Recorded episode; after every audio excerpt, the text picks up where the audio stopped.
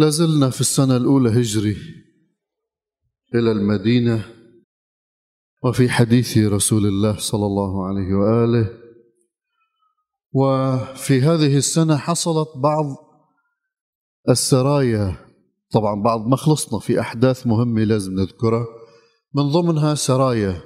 أرسل رسول الله بعض السرايا آه، إلى بعض النواحي من المدينة.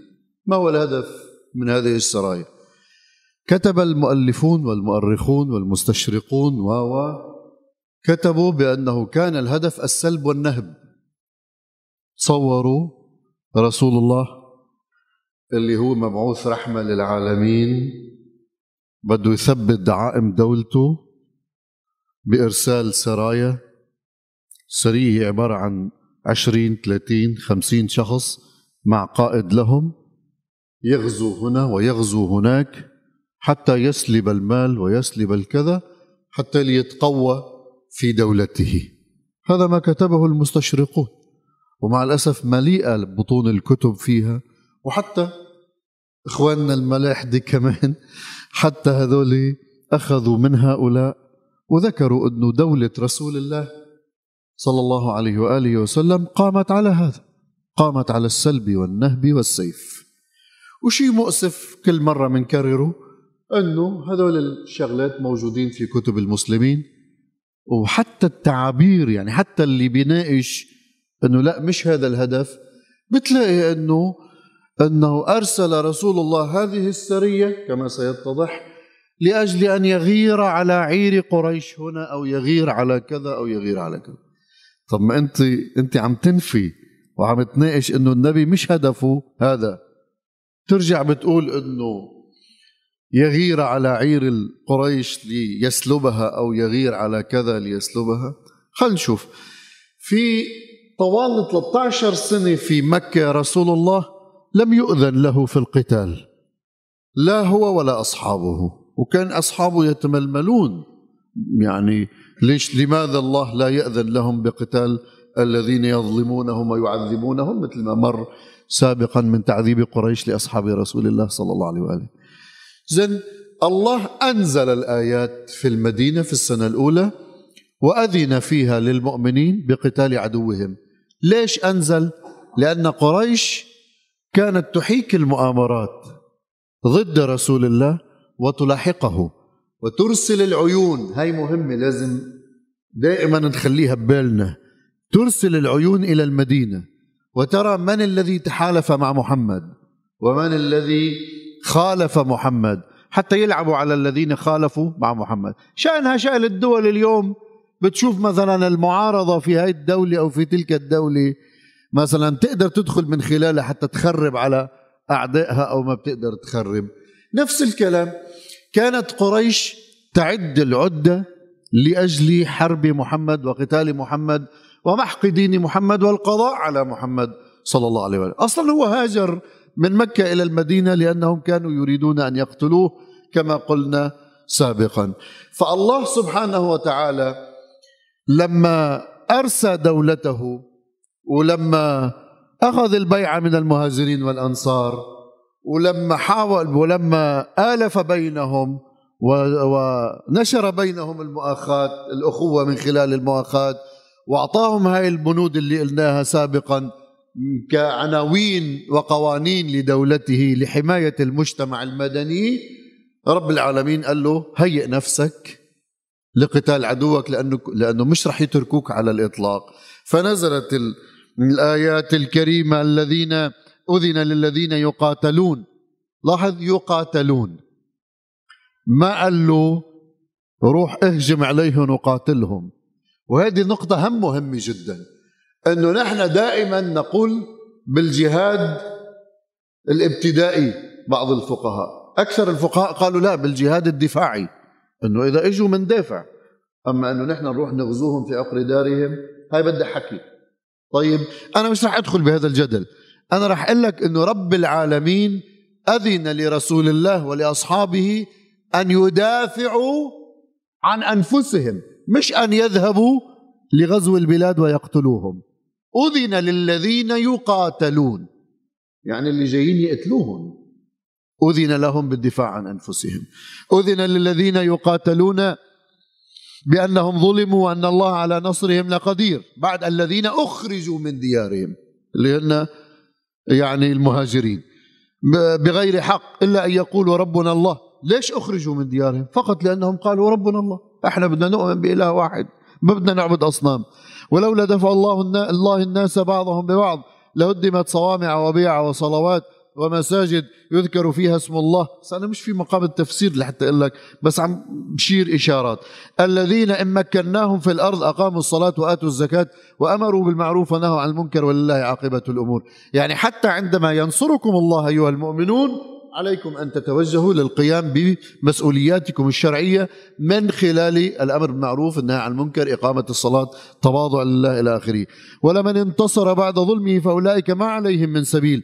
آيات متعددة طبعا مش من نفس السورة إنما السبيل على الذين يظلمون الناس ويبتغون في الأرض بغير الحق أولئك لهم عذاب أليم. ثم أمر الله رسوله بالإعداد. أنت ما فيك تجي تقاتل عدو من دون أن تعد له العدة. فأمر فقال له أعدوا لهم ما استطعتم من قوة ومن رباط الخيل ترهبون به عدو الله وعدوكم وآخرين من دونهم لا تعلمونهم الله يعلمهم وما وما تنفقوا من شيء في سبيل الله يوفى إليكم وأنتم لا تظلمون. من هاي الآيات أكثر من ثمانين يعني في آيات كثيرة حثت المؤمنين على الجهاد وعلى وعلى زين بلشت تطلع السرايا. أول سرية طلعت بشهر رمضان السنة الأولى للهجرة 623 ميلادي بثلاثين رجل آه، من المهاجرين دون الأنصار. بعدما حدد النبي صلى الله عليه وآله وجهتها آه، نحو شاطئ البحر من ناحية العيس. خرج بها حمزة بن عبد المطلب عم رسول الله صلى الله عليه وآله وسلم.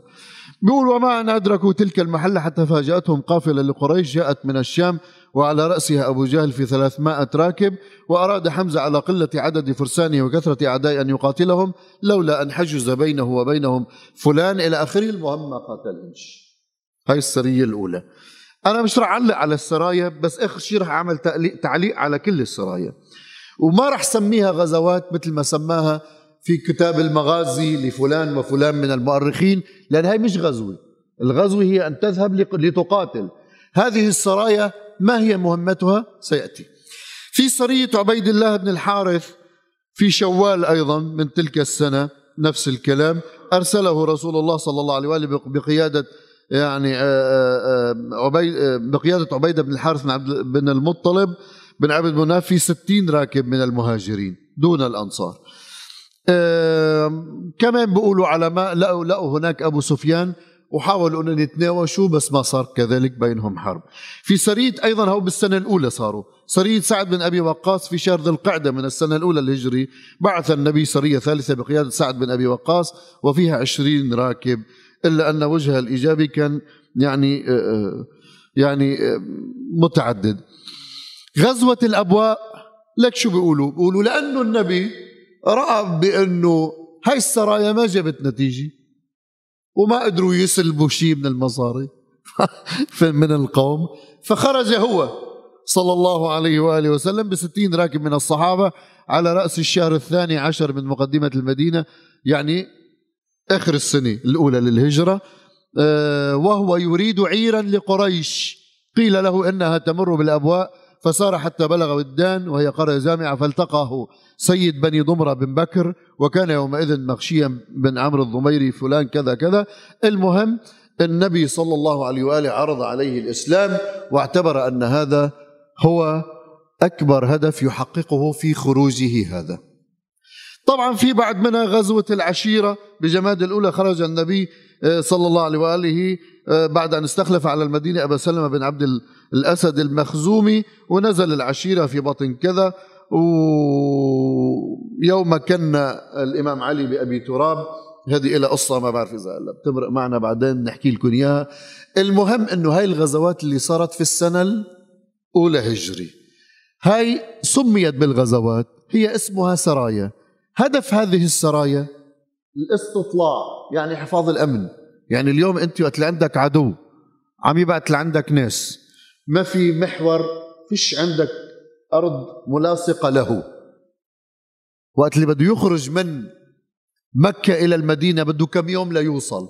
أنت كل فترة عندما تسمع من خلال المسافرين أنهم التقوا بقافلة لقريش النبي صلى الله عليه وسلم المفروض عليه أن شو؟ أن يأخذ الحيطة والحذر. ويرسل ناس عيون تستطلع له الأمر. أنه هذول لشو جايين؟ لأنه قريش كانت تمر قوافلها عن طريق قريب من المدينة. فمن الطبيعي أن يحصن المدينة الذي يعيش فيها. وما عنده محاور مثل بيننا وبين إسرائيل لحتى نخلي عيون على طول على المحاور مثلا. ما عنده هيك شيء. فكان يرسل هاي السرايا للاستطلاع من أجل معرفة ما يخطط له العدو ليحافظ على المدينة والمسلمين. هاي واحد. هاي الأهداف التي كانت. من ضمن الأهداف التي كانت لهذه السرايا مش السلب والنهب مثل ما بيقول هول الجماعة. هو فقط حماية المدينة كما قلنا. وليس التشفي من قريش. إنه كل ما سمع بعير خرجت لقريش بيخرج لحتى يتشفى منه. ليش؟ لأنهم أخرجوه من بلده من مكة. لا مش صحيح. وما راح يتشفى. والله اللي بده يتشفى وينتقم. بعد أن مكنه الله من قريش. ودخل مكة فاتحة بجيش عرمرم. أقل تقدير عشرة آلاف. زين؟ ومكنه الله من أهل مكة. ومن الذين قاتلوه وعذبوه وعذبوا أصحابه وطردوه من بلده وأكلوا أموالهم أموال المهاجرين وخيراتهم. ما بيتشفى بعد أن مكنه الله من رقابهم؟ تشفى؟ طبيعي. ليش ما تشفى؟ بالعكس لما كان حامل الراية يقول اليوم يوم الملحمة اليوم تسمى الحرمة دغري مباشرة رسول الله أرسل واحد أخذ منه الراية وغير الشعار شعار الحرب. اليوم يوم المرحمة اليوم تصان الحرمة. اللي بده يتشفى بيعمل هيك؟ ولا بيعمل هيك. هذا رسول الله. مش صحيح أنه رسول الله قام بالسيف؟ مش صحيح أنه رسول الله أمر بالذبح؟ مش صحيح أنه رسول الله قال أتيتكم بالقتلى بالقتل والذبح مثل ما وارد في البخاري وغيره؟ ما هو صحيح الحكي. 13 سنة ما أقام سيف على الإطلاق. وحتى في المدينة عندما أتوا إليه أقام السيف. في معركة بدر اللي راح تجي معنا. ولا ما أقام السيف رسول الله على الإطلاق. فإذا الذي يريد أن يتشفى من قريش ويسرق مالها مفروض أنه يتشفى بعد ما دخل مكة فاتحا وأمكنه الله من رقابهم. بالعكس قال اذهبوا فأنتم أخ كريم وابن أخ كريم. قال اذهبوا فأنتم الطلقاء. وعفى حتى عن الذين ظلموه ظلما كبيرا. في كم نفر ستة أو كذا بيجي بعدين. مدري أربعة هذول أمر بقتلهم لأنه في برقبتهم دماء. وإلا النبي ما تشفى من أحد. على الإطلاق؟ ولا لو كان التشفي وكان هدفه السرقة وكان هدفه أبدا بعدين ما حاجته إلى السرقة؟ ورسول الله صلى الله عليه وآله وسلم كان معه مال خديجة لا ينفد. مال خديجة كان معه. حتى كثير من أثرياء المدينة قدموا له مال. مو بس أثرياء المدينة قدموا له مال حتى من أسلم من اليهود قدموا له مال. يعني من المخلصين اليهود مخيريق بن, بن من بني ثعلبة ابن الفطيون. هذا جاء في كتب السيرة. كان غنيا صاحب مزارع وأموال وكذا. آمن برسول الله هو يهودي. زين. وقال إذا أنا مت وطبعا بعد ما رأى أن رسول الله مكتوبا عندهم في التوراة وأنه هو النبي الحق الموعود آمن به وقال كل ما أملكه هو لرسول الله. وقاتل مع رسول الله في إحدى المعارك وقتل في أحد وقتل وكل ماله انتقل إلى رسول الله صلى الله عليه وسلم. وأنفقه على المسلمين. وبحاجة رسول الله صلى الله عليه وآله وسلم. بس بنفس الوقت في السنة الأولى لابد أن نذكر بأنه اليهود كيف تعامل معهم رسول الله صلى الله عليه وآله قلنا سابقا أنه أقام معهم العهود والمواثيق. وقرأنا على مسامعكم كلماته. بعض اليهود أسلم مثل عبد الله بن سلام وأحسن إسلامه. بعض اليهود لا ما كان يقدر. يعني مثلا بتحدث صفية بنت حيي بن أخطب. ابنة حيي بن أخطب. كبير اليهود الذي كان يبغض محمد صلى الله عليه وسلم. تقول خرج أبي مع عمي أبي ياسر. ذهبوا إلى رسول الله بعد ما إجا المدينة. وسمعوا منه. ورجعوا كنت بس يرجعوا أو يدخلوا علينا قدم لهم شيء من الطعام أو الشراب فبيأخذوه بيقعدوا بيرتاحوا وبيقبلوا على بعض. شوف ولا حدا أقبل إلي. وسمعتهم يقولون. هاي مين اللي عم بحدث؟ صفية اللي صارت بعدين زوجة رسول الله اللي قلنا إنه سابقا الروايات التي أساءت لرسول الله إنه بعد فتح خيبر أخذها وبنى بها في الطريق بعد ما قتل زوجة. تصوروا؟ هاي الصفية هذا دليل على أنه صفية كانت تعلى تؤمن برسول الله من أول يوم من أول يوم. والدليل على هذا ما, ما هي ترويه عن أبيها عن أبيها. زين قالت وسمعت عمي أبا ياسر يقول لأبي حيي أهو هو هذا هو النبي الموعود؟ قال نعم والله. قال أتعرفه وتثبته؟ قال نعم. قال فما في نفسك منه؟ قال عداوته والله ما بقيت. خلص نفسي مش قبلانيته. أنا أكرهه لأن بدي النبي يكون من يهود. طلع النبي من العرب فأنا أكرهه. بس هذا هو النبي الموعود الذي لأنه هو قلت لكم حيي بن أحطب هو من كبار أحبار اليهود. كان في المدينة. وهكذا ظل أكثر اليهود يتظاهرون بالسلم مع رسول الله صلى الله عليه وآله ولكن في الخفاء كانوا يحيكون المؤامرات ضده. كبديل بن الحارث وعبد الله بن أبي سلول هذا رأس الشرك والنفاق. هذا أظهر الإسلام. يعني النبي كانت مشكلته بالمدينة مع بعض يهود اللي ما آمنوا واللي حاكوا المؤامرات من خلال حقدهم خصوصا أحبارهم والمنافقين اللي كانوا يسكنون المدينة كانوا يعبدوا الأصنام. ثم أظهروا الإسلام ولكن بقوا على عبادة الأصنام. هو اللي سماهم الله بالمنافقين وهذول اللي بسورة البقرة 80 آية تقريبا تحدثت عن المنافقين. رب العالمين تحدث عنهم. زين مثل رأس الشرك اللي هو عبد الله بن أبي سلول واللي واللي كان يعني كان هذا أشد الناس خطرا على الإسلام من اليهود وأنزل الله فيهم وإذا لقوا الذين آمنوا قالوا أمنا وإذا خلوا إلى شياطينهم قالوا إنا معكم إنما نحن مستهزئون الله يستهزئ بهم. هذا اللي قلناه يعني اللي فسرناه عند حديثنا عن يعني عن تفسير القرآن.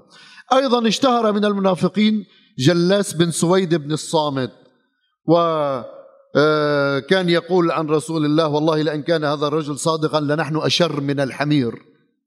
تصور هذا. وصل حكي للنبي صلى الله عليه وآله. إجا النبي طالبوا فقام حلف بالله أنه لا هو ما قال.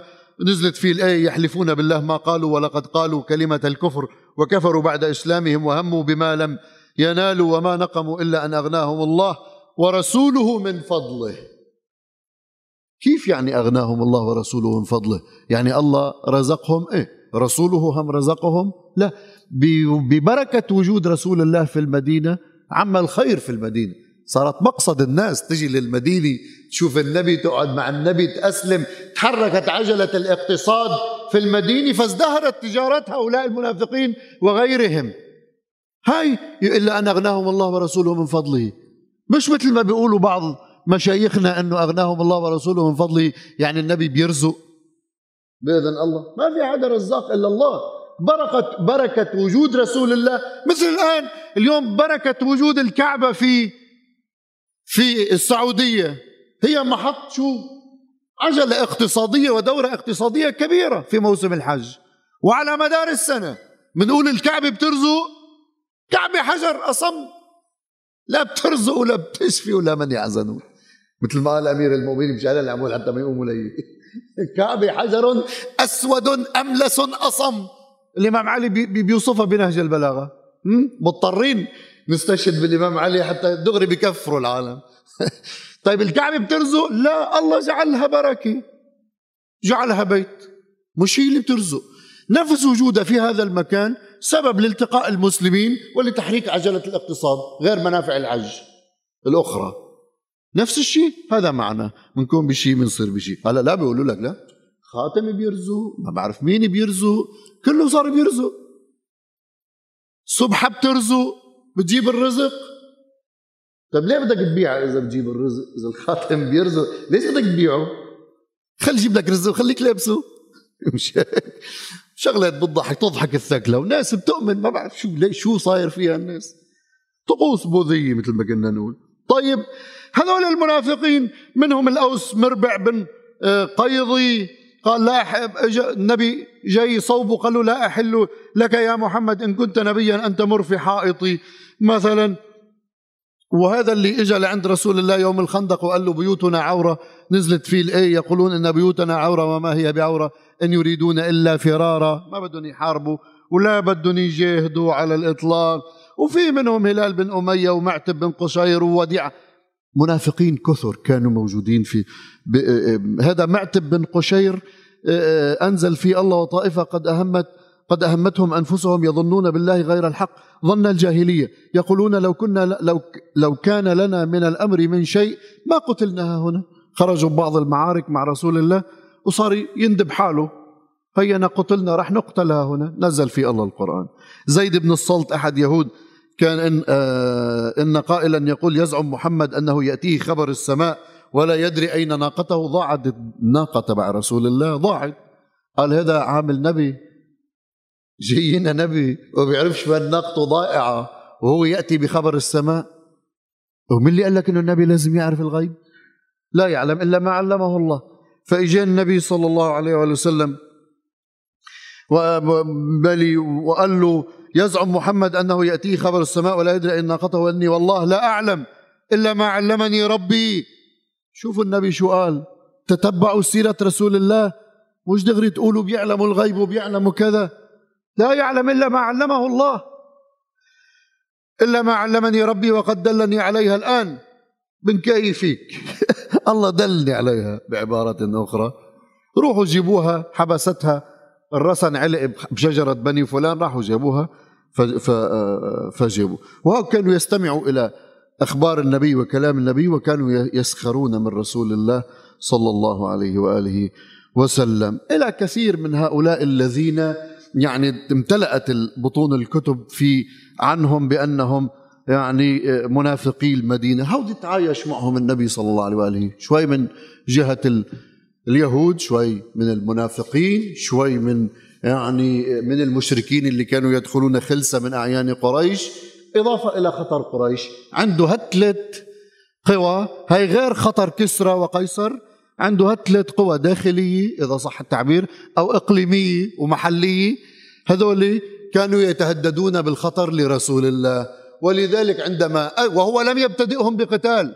عندما جاءوا إليه كما سنتحدث في بدر وفي غير بدر وفي الخندق وكيف أعانوهم اليهود لقريش سيتضح لكم أن رسول الله كان في مقام الدفاع عن المدينة وعن نفسه عن الدفاع في مقام الدفاع عن المدينة وعن نفسه وعن المسلمين. صلى الله عليه وآله وسلم والحمد لله رب العالمين.